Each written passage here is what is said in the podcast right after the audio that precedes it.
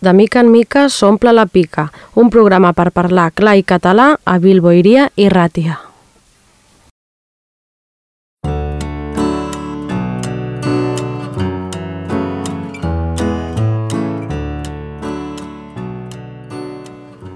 Hola, benvinguts un cop més a l'Aixopluc del de Mica en Mica a Bilbo Iria i Ràtia. I avui parlarem d'un fenomen viral a les xarxes. No sé si sabeu a què m'estic referint. I és que hi ha un joc en línia que ha esdevingut un dels entreteniments més coneguts en els últims mesos. Sí, estic parlant del Paraulògic, el joc lingüístic de moda.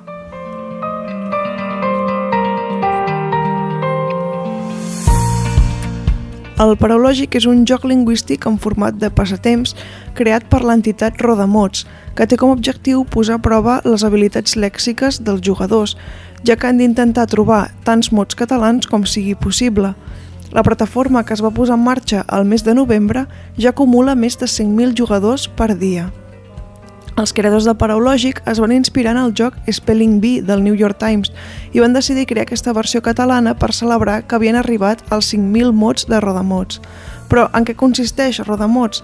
Doncs, pels que no conegueu, Rodamots és un butlletí online en què els subscriptors reben cada dia, de dilluns a divendres, una paraula o expressió catalanes. El primer mot es va publicar ara farà 23 anys i des de llavors no han parat de publicar cada dia un mot, que és el nom que rep el mateix butlletí.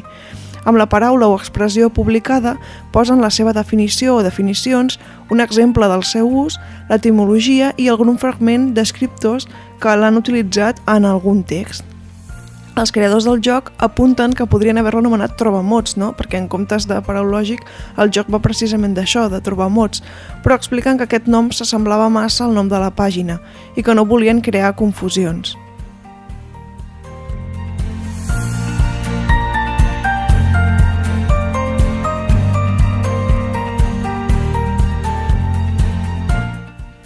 Així doncs, les normes del joc són prou senzilles. En primer lloc, es pot jugar amb diversos dispositius electrònics, des de l'ordinador, el mòbil, la tablet, etc. I en cada dispositiu el joc és únic i independent. L'usuari disposa de set lletres col·locades en sis hexàgons blaus i un de vermell al centre que pretenen imitar les cel·les d'un rusc. La finalitat és trobar el nombre més gran de paraules a partir d'aquestes set lletres amb la condició que sempre surti la lletra del centre. Totes les lletres es poden repetir, però les paraules han de tenir un mínim de 3 lletres per a que puguin comptabilitzar. La gràcia del joc és que cada dia canvien les combinacions de les lletres. Cada dia hi ha almenys una paraula que té totes les lletres i que té el nom de tuti i dona la màxima puntuació. El que el paraulògic no accepta són els verbs conjugats, per exemple, només accepta verbs en infinitiu. Tampoc admet noms propis de persona i dels noms i adjectius s'admeten la forma masculina i la femenina, però no els seus plurals respectius. Només accepta paraules que apareguin al Diccionari de la Llengua Catalana de l'Institut d'Estudis Catalans, el DIEC, i una funció molt útil que té, i és gràcies precisament a l'Institut d'Estudis Catalans, és que cada vegada que encertes un mot correcte pots veure en la definició o les definicions a sota.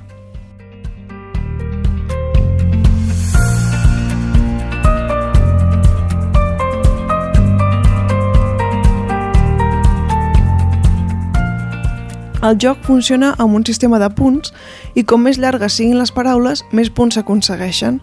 Les paraules que tenen 3 lletres valen un punt, per exemple, les de 4, dos punts, però a partir de 5 lletres els punts equivalen al nombre de lletres que tingui la paraula, és a dir, si per exemple una paraula té 8 lletres, doncs aconseguiràs 8 punts. Hi ha sis nivells representats amb animals, que això fa molta gràcia. No sé en, per què són animals, però són tot aus, és que el primer és un pollet, el segon passes a ser un colom, després passes a ser un ànec, el quart és un cigne, el cinquè una òliva i el més alt és una àguila. A mesura que l'usuari va aconseguint punts, va pujant cada un dels nivells del joc.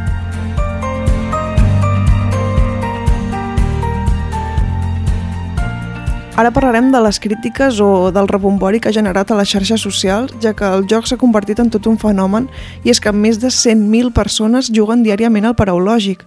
De fet, el dia 23 de desembre, després que TV3 fes un reportatge sobre el joc, la pàgina web va quedar totalment col·lapsada.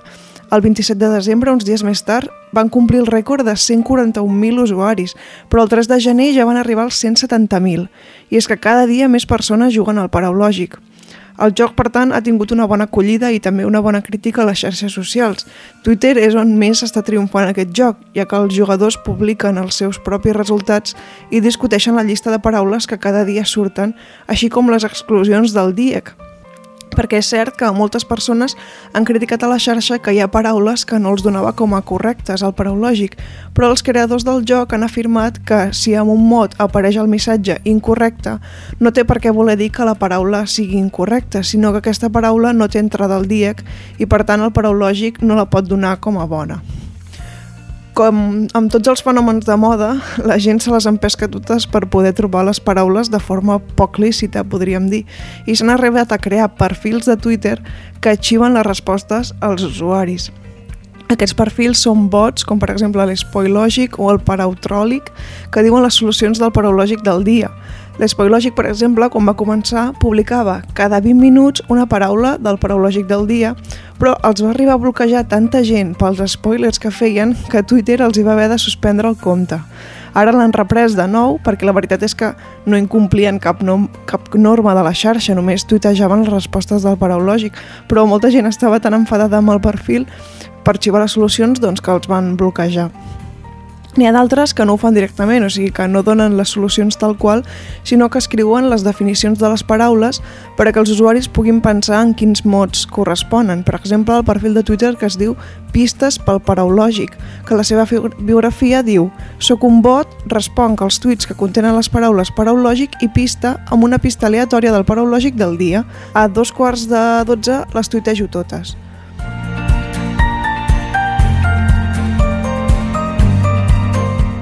El lingüista Mario Serra és un dels personatges públics que s'ha pronunciat més sobre aquest joc i és que afirma estar completament enganxat al paraulògic. I fa poc va publicar a rac una, una llista de 10 millors trucs per triomfar al paraulògic. I és que, bé, hi ha moltes persones que a part de buscar a Twitter fan, fan altres moviments no? per intentar doncs, fer, fer un ple i, i trobar totes les paraules del dia. Els 10 trucs que, que Mario Serra comenta són, el primer, fer pauses i sessions curtes. Ell afirma que és molt millor fer petites sèries al periològic que no quedar-se mitja hora davant de la pantalla mirant-la o, o inventant-se paraules perquè ja no se sap què fer. El segon truc és fer servir el teclat de l'ordinador. Aquest em sembla molt curiós perquè jo, per exemple, jugo amb el mòbil, però en Màrius assegura que amb l'ordinador, com que et permet escriure amb el teclat, sense haver d'anar clicant al damunt de cada lletra al rusc, amb el ratolí, és molt més efectiu.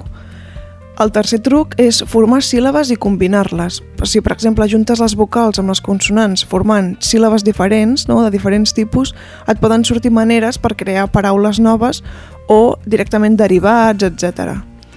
El quart truc seria buscar paraules derivades de les que ja hem trobat. Aquest és un truc molt útil, ja que sovint es poden trobar adjectius que deriven d'un verb que ja tenim, o podem aconseguir una paraula més fent la versió en femení o en masculí de la mateixa paraula, no? perquè els plurals, com ja hem comentat, no els accepta. Després un altre truc seria repetir síl·labes, que aquest truc serveix per fer créixer una paraula no? repetint diverses síl·labes que ja tens, per exemple, tata, rara, i així pots trobar paraules més llargues. El sisè truc seria canviar les lletres de posició. Jo aquesta funció la veritat és que no la coneixia, però es veu que a la part de sota de l'heptagrama, no, de l'hexàgon, hi ha un botó amb dues fletxes que serveixen per canviar l'ordre de les lletres del rusc, és a dir, que quan apretes es mouen totes les lletres menys la vermella central, clar. I clar, si les lletres han canviat, tu al veure's en una altra posició pots veure paraules que abans, potser tal com estaven disposades les lletres, no, no les veies, no? I aquesta és una funció molt útil doncs, que et pot permetre això, trobar paraules que per l'ordre en com estaven disposades les lletres abans no havies, no t'havies copsat. El setè truc és tenir en compte que les lletres es poden repetir, molt important. Mario Serra diu que com que una sola lletra es pot fer servir més d'una vegada, es poden arribar a fer paraules de 14 o 15 lletres repetint vocals, com per exemple la A o la E, que segons ell diu que són les més rendibles per fer paraules. I aquest és un dels motius de que el joc sigui tan addictiu, no? perquè moltes vegades ni que t'estiguis molta estona o ni que siguis molt bo jugant, no arribes a completar totes les paraules perquè és realment mm, difícil. El vuitè truc es tracta de buscar paraules de tres lletres, també es pot ajudar mirant les solucions del dia anterior, ja que a la part de baix també això, anant a preferències, pots posar que et surtin doncs, diverses coses a sota i a baix sempre et surt la solució del dia anterior. Llavors potser si hi ha algunes lletres que s'han repetit, amb tres lletres només pots arribar a fer combinacions que tu potser no se t'hagin ocorregut i que puguin quadrar amb les lletres que tens al paraulògic d'avui. El novè truc és mirar Twitter, que com ja comentàvem pot fer ràbia amb els, amb els spoilers, però el Màrius diu que sempre es poden consultar aquests perfils, els bots que hem comentat abans, que publiquen les solucions del dia a dia, encara que potser faci ràbia trobar-te algun spoiler que no volies, això sempre pot passar. Però bueno, sí que és una, és una opció mirar Twitter, la comunitat en xarxa, que moltes vegades s'ajuden entre ells per poder trobar totes les paraules del dia i l'últim truc, desè truc, és jugar amb el diccionari al costat i amb les, amb les eines del DIEC. Aquest és un bon truc per trobar paraules, ja que, per exemple, el Diccionari de l'Institut dels Estudis Catalans, el DIEC, té funcions de recerca i, per exemple, pots posar tres lletres, en la funció paraules que comencen per i et sortiran paraules que comencen per aquelles tres lletres que tu has posat. Per tant, com que o estàs buscant el DIEC i el paraulògic va en funció de les paraules que apareixen o que tenen entrada al DIEC, doncs podràs trobar paraules de tres lletres allà a partir de, del que hagis buscat i de la llista que t'aparegui amb, amb totes les paraules. Això no és tot perquè, clar, entre Twitter, eh, personatges públics que s'han fet ressò del joc, s'ha anat creant tot, doncs, tota una bombolla de gent que juga al paraulògic o que critica o que anima les persones a jugar, etc etc. I, per exemple, s'han fet doncs, el típic meme d'una cosa que es fa superfamosa i és el cas del que ha fet la companyia teatral Generació DM, que ha fet una cançó paròdia, es diu La cançó del paraulògic, i és una cançó que s'ha fet viral perquè, doncs, bueno, molts, molts jugadors s'han sentit identificats amb, amb els protagonistes d'aquesta cançó que expliquen, doncs van descrivint situacions habituals que alguna vegada ens han pogut passar tots els que hem jugat al paraulògic. I ara escoltem un, un tros d'aquesta cançó de Generació DM, la cançó del paraulògic. Necessito suport psicològic, només faig que jugar al paraulògic. Quan estic amb la meva parella, tan sols penso la lletra vermella i em llevo un matí per mirar les respostes d'ahir. Treballar o la penya em superarà. Com? Ma mare porta 85 paraules, m'hi he d'esforçar més. Vist l'èxit del joc, aquest ha motivat el desenvolupament de versions en altres llengües que també estan començant a triomfar no? i que estan sortint ara. És el cas, per exemple, de la versió en basc, el Berbaixerca, o també hi ha el Caixello, una adaptació a l'asturià. Veurem com aquesta eina lingüística ajuda potser a posar en boca de tothom totes aquestes llengües, no? I, i si més no, ajuda a, a través del joc i de passar-s'ho bé a descobrir noves paraules, aprendre potser un idioma, una eina molt, molt útil que fins i tot ja s'està començant a utilitzar a moltes escoles perquè els nens doncs, trobin paraules al rusc del paraulògic i puguin doncs, aprendre nous mots, també doncs, de fer una mica de ressò sobre les llengües minoritzades i aprendre jugant, en, en definitiva aprendre jugant. De mica en mica s'omple la pica, argi eta katalanez hitz egiteko saioa Bilbo iria irratian.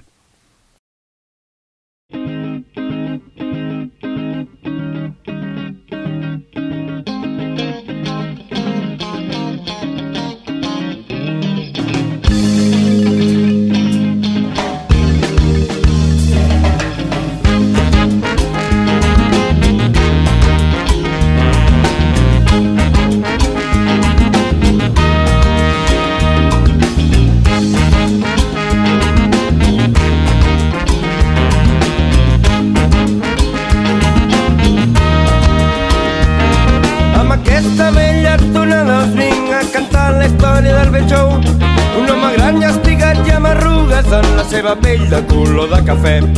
Creat al mig del Carib i nascut fill de l'esclavitud. Malgrat tot fa la seva vida i no sap què escandalitza el món. Oye, anar passant.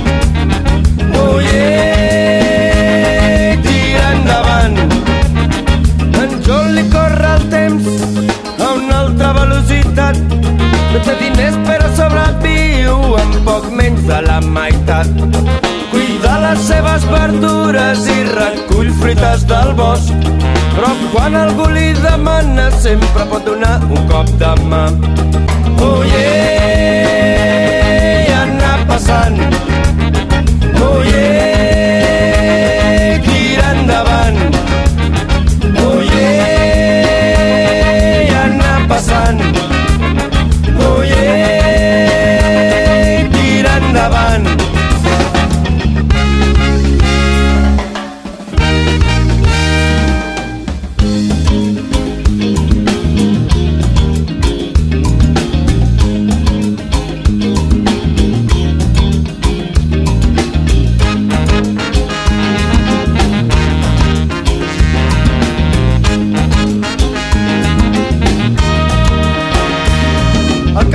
Servir per casa o acull de les restes de tothom.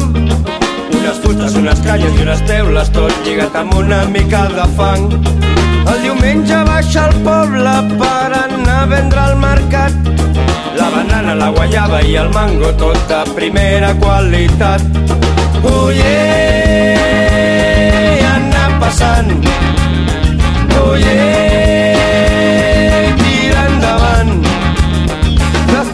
Dia de feina, recompta el que ha guanyat. Li don paren a la taverna i acompanyar-se d'un bon rom. Després de dansa i gresca, se'n torna cap al llit, tot enfilant el camí de casa i esperant un altre jorn. Oh yeah, anar passant.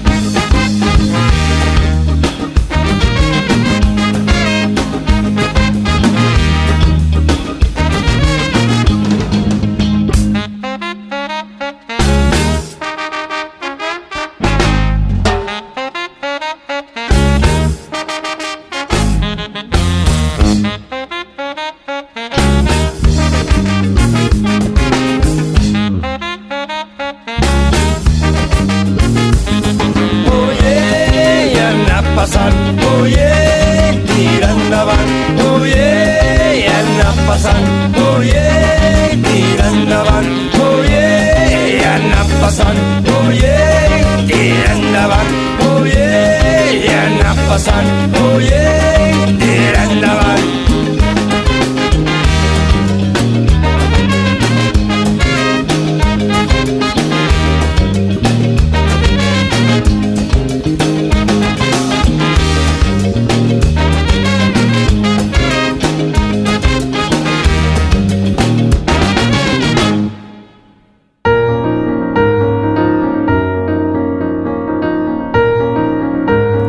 El racó de les lletres, amb Jorge Garralda.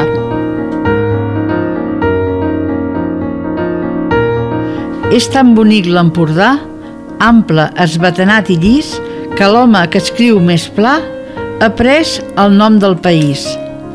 Amb aquest epigrama de Carles Fages de Climent, dedicat a Josep Pla, comencem un cop més aquest racó de les lletres.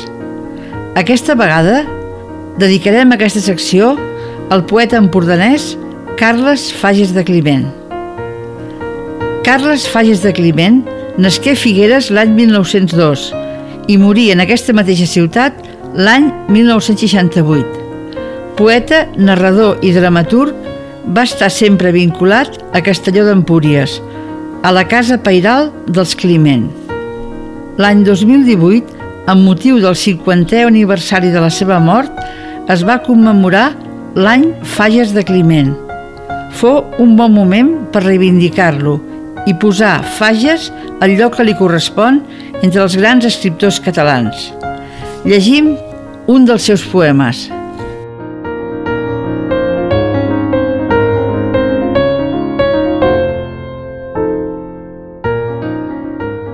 Sonet de les mil roses. Coll torceu-vos, rosers, no us requi gaire. Violes, recolliu el vostre breu esclat. Lliris salvatges, compasseu la melodia iridistent de l'aire. Només la rosa ens és fidel al caire, de la mort i la terra ens sap fer lleu. De contemplar-te em naixien com un déu, per nina de cada ull, roses de flaire.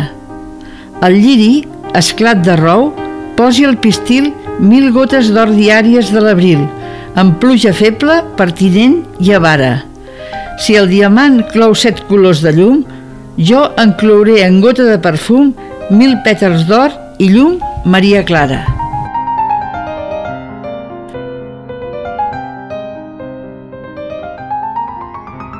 Fages es va llicenciar en Filosofia i Lletres l'any 1923 en l'especialitat de Llengües Clàssiques. Durant aquesta etapa va connectar amb els intel·lectuals barcelonins noucentistes, sobretot amb Eugeni d'Ors, de qui fou deixeble. Posteriorment va anar a Madrid per fer el doctorat i allà va conèixer Valle Inclán, Baroja i Federico García Lorca. Home de vasta cultura i gran coneixedor i estudiós d'autors clàssics com Homer, Ovidi, Virgili, Dan, etc., d'aquesta influència s'emmana una poesia culta, escrita sense concessions comercials i amb més arrels grecollatines ben visibles, que la fa valuosa i molt característica. Heus aquí un altre dels seus poemes.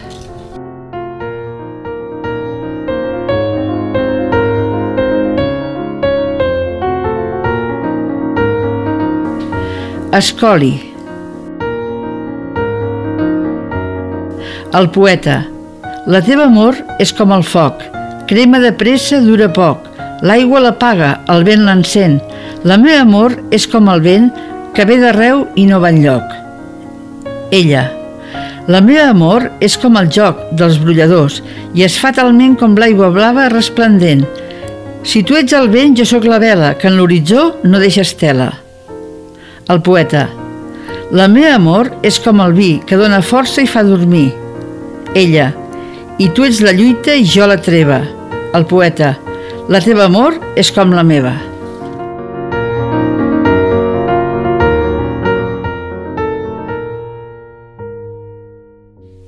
Fages de Climent estava format en l'estètica noucentista, però el seu pensament era anticonvencional i independent.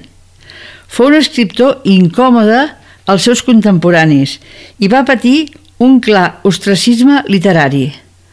Aquest fet hi contribuí decisivament la seva posició conservadora durant el franquisme, bé que finalment no s'identificà amb el règim per raó, sobretot, del seu catalanisme. Aquest individualisme va dificultar la recepció de la seva obra i fou un entrebanc per la consideració de la crítica independent del mèrit literari. En definitiva, va ser vist com un catalanista pel règim franquista i com un reaccionari per l'oposició. L'any 1951, un dels crítics literaris més importants del catalanisme, Joan Triadú, el va excloure d'una antologia sobre els autors canònics de la poesia catalana i el poeta empordanès se sentí marginat del món literari català. Heus aquí un altre dels seus poemes.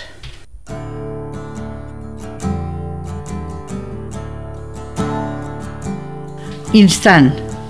Finix el grill de dir el seu lai. El matí gai sembla un espill. Fugaç esglai d'un lleu perill. O bé senzill com un aicai.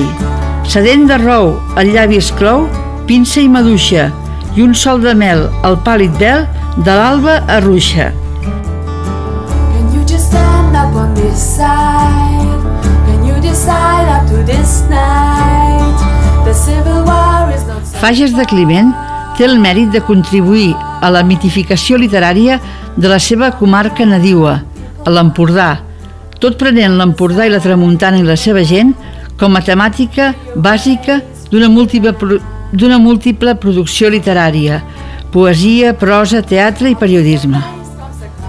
Fagis de Climent, a partir de la seva dimensió local, es consolida com un autor universal que coneix perfectament la literatura grecollatina. La influència dels grans autors clàssics en la seva obra és evident des dels seus primers passos.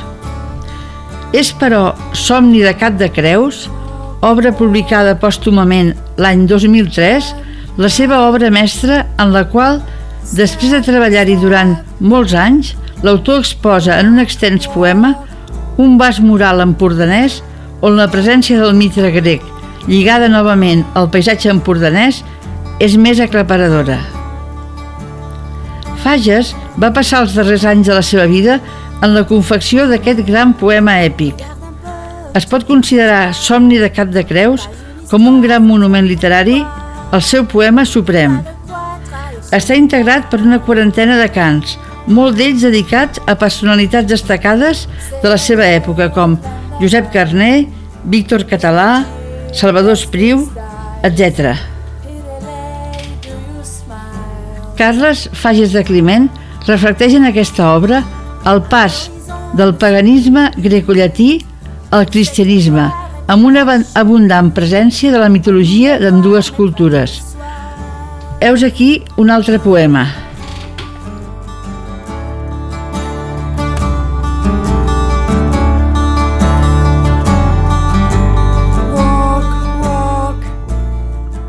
Venusta Car. Plasma un delit d'inaccessible fuita la performada estàtua del cos. Saps de la brega fer-te un repòs i del repòs en feies una lluita. Crema el metall. Si cau, la terra cuita s'esberla. Ensems moren perfums i flors. Només la carn, ran del pinyol de l'os, té morbideses com la bona fruita. L'entull no pot combatre un destí advers, la perla es fon, la il·lusió s'oblida i el gínjol breu madura lluny de l'arbre. Contemplo en tu el miracle del meu vers. Deixa'm besar en l'alè que et dóna vida l'eterna lluita entre la carn i el marbre.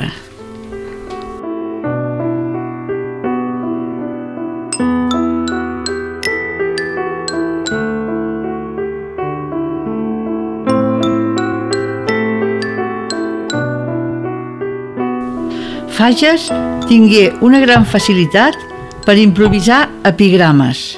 Segons el crític Joan Ferrarós, una definició dels epigrames de Fages serien una composició breu en vers que expressa un pensament, una reflexió o un consell de forma aguda i punyent, sovint però, però no pas sempre, satírica i burlesca.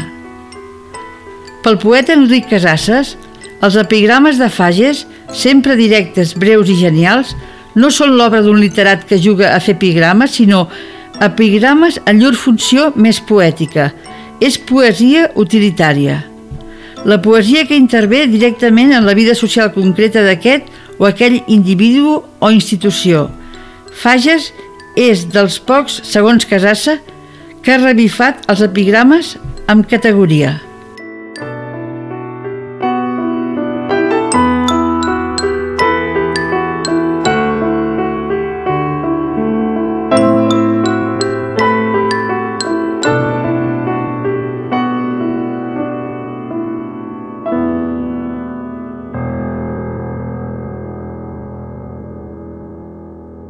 Salvador Dalí fou company d'escola de Fages i un dels artistes amb els quals col·laborà i amb qui tingué el privilegi de poder comptar amb il·lustracions del pintor pels seus escrits, entre els quals destaquen Les bruixes de Llers i Balada del sabater d'Ordis, prologat per Eugeni d'Ors amb epíleg de Dalí.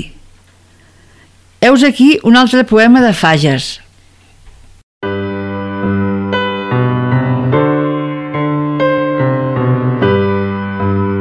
Sonet neuroromàntic. Tinc por de viure sense tu. Temo la nit i l'hora blava. Tinc por del vent. Te'n vas endur el meu albí que et feia esclava. Lluny dels teus braços de tissú, Sembla un llorer que perd la saba. De tant besar-lo, el teu flac nu, com un espill, se m'entalava. Tinc por, si em manca l'iris tendre, orfebrejat d'un rol de cendra, el teu ull verd. Temo el matí i em fa besar-de el breix de l'hora de l'estelada que m'acora. Sí, sense tu tinc por de mi.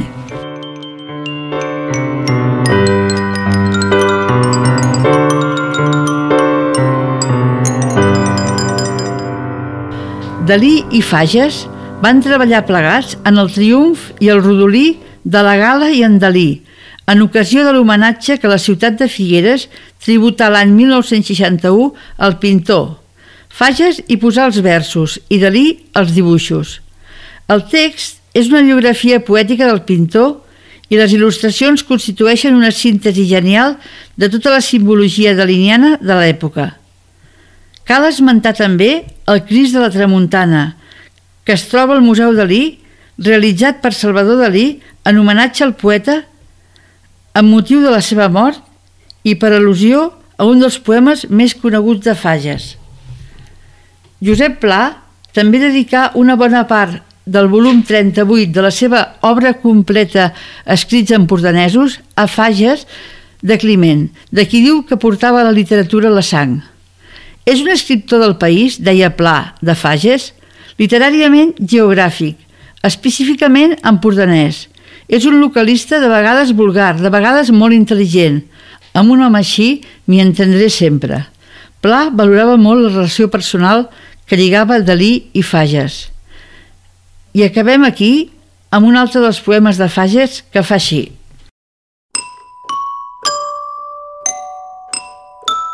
Sonet d'una nit d'estiu.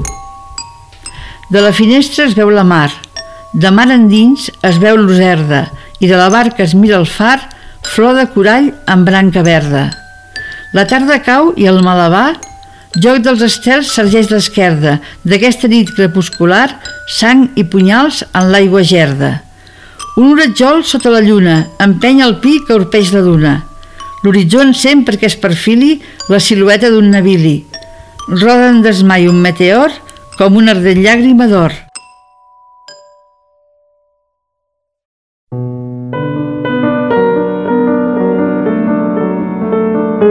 D'aquesta manera, acabem avui aquí aquest racó de les lletres. Que gaudiu d'un bon cap de setmana. Bon cap vespre.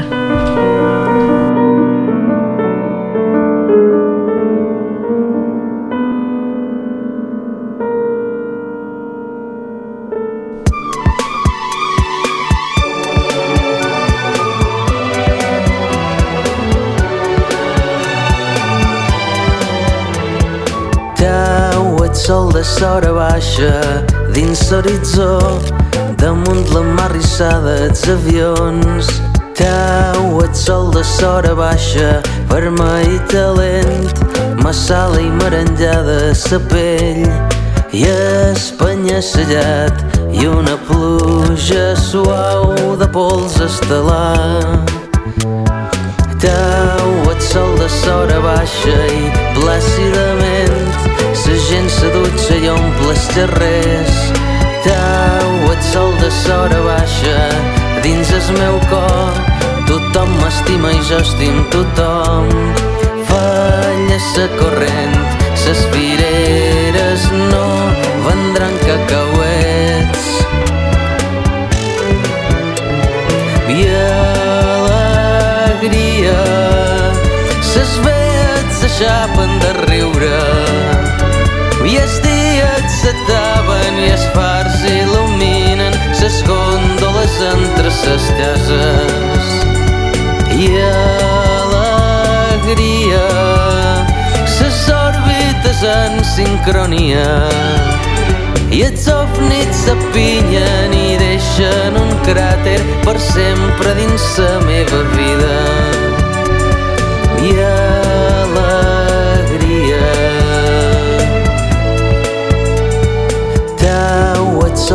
sora baixa dins l'horitzó damunt la mar rissada els avions Teu, et sol de sora baixa vermell i talent massala i merenjada sa pell i es les municipals, és evident, fan apartar bé sa gent. I alegria,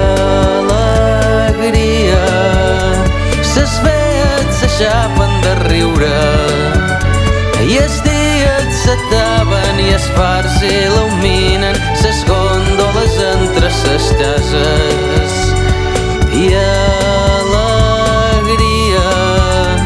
ses òrbites en sincronia, i els ovnis s'apinyen i deixen un cràter per sempre dins la meva vida.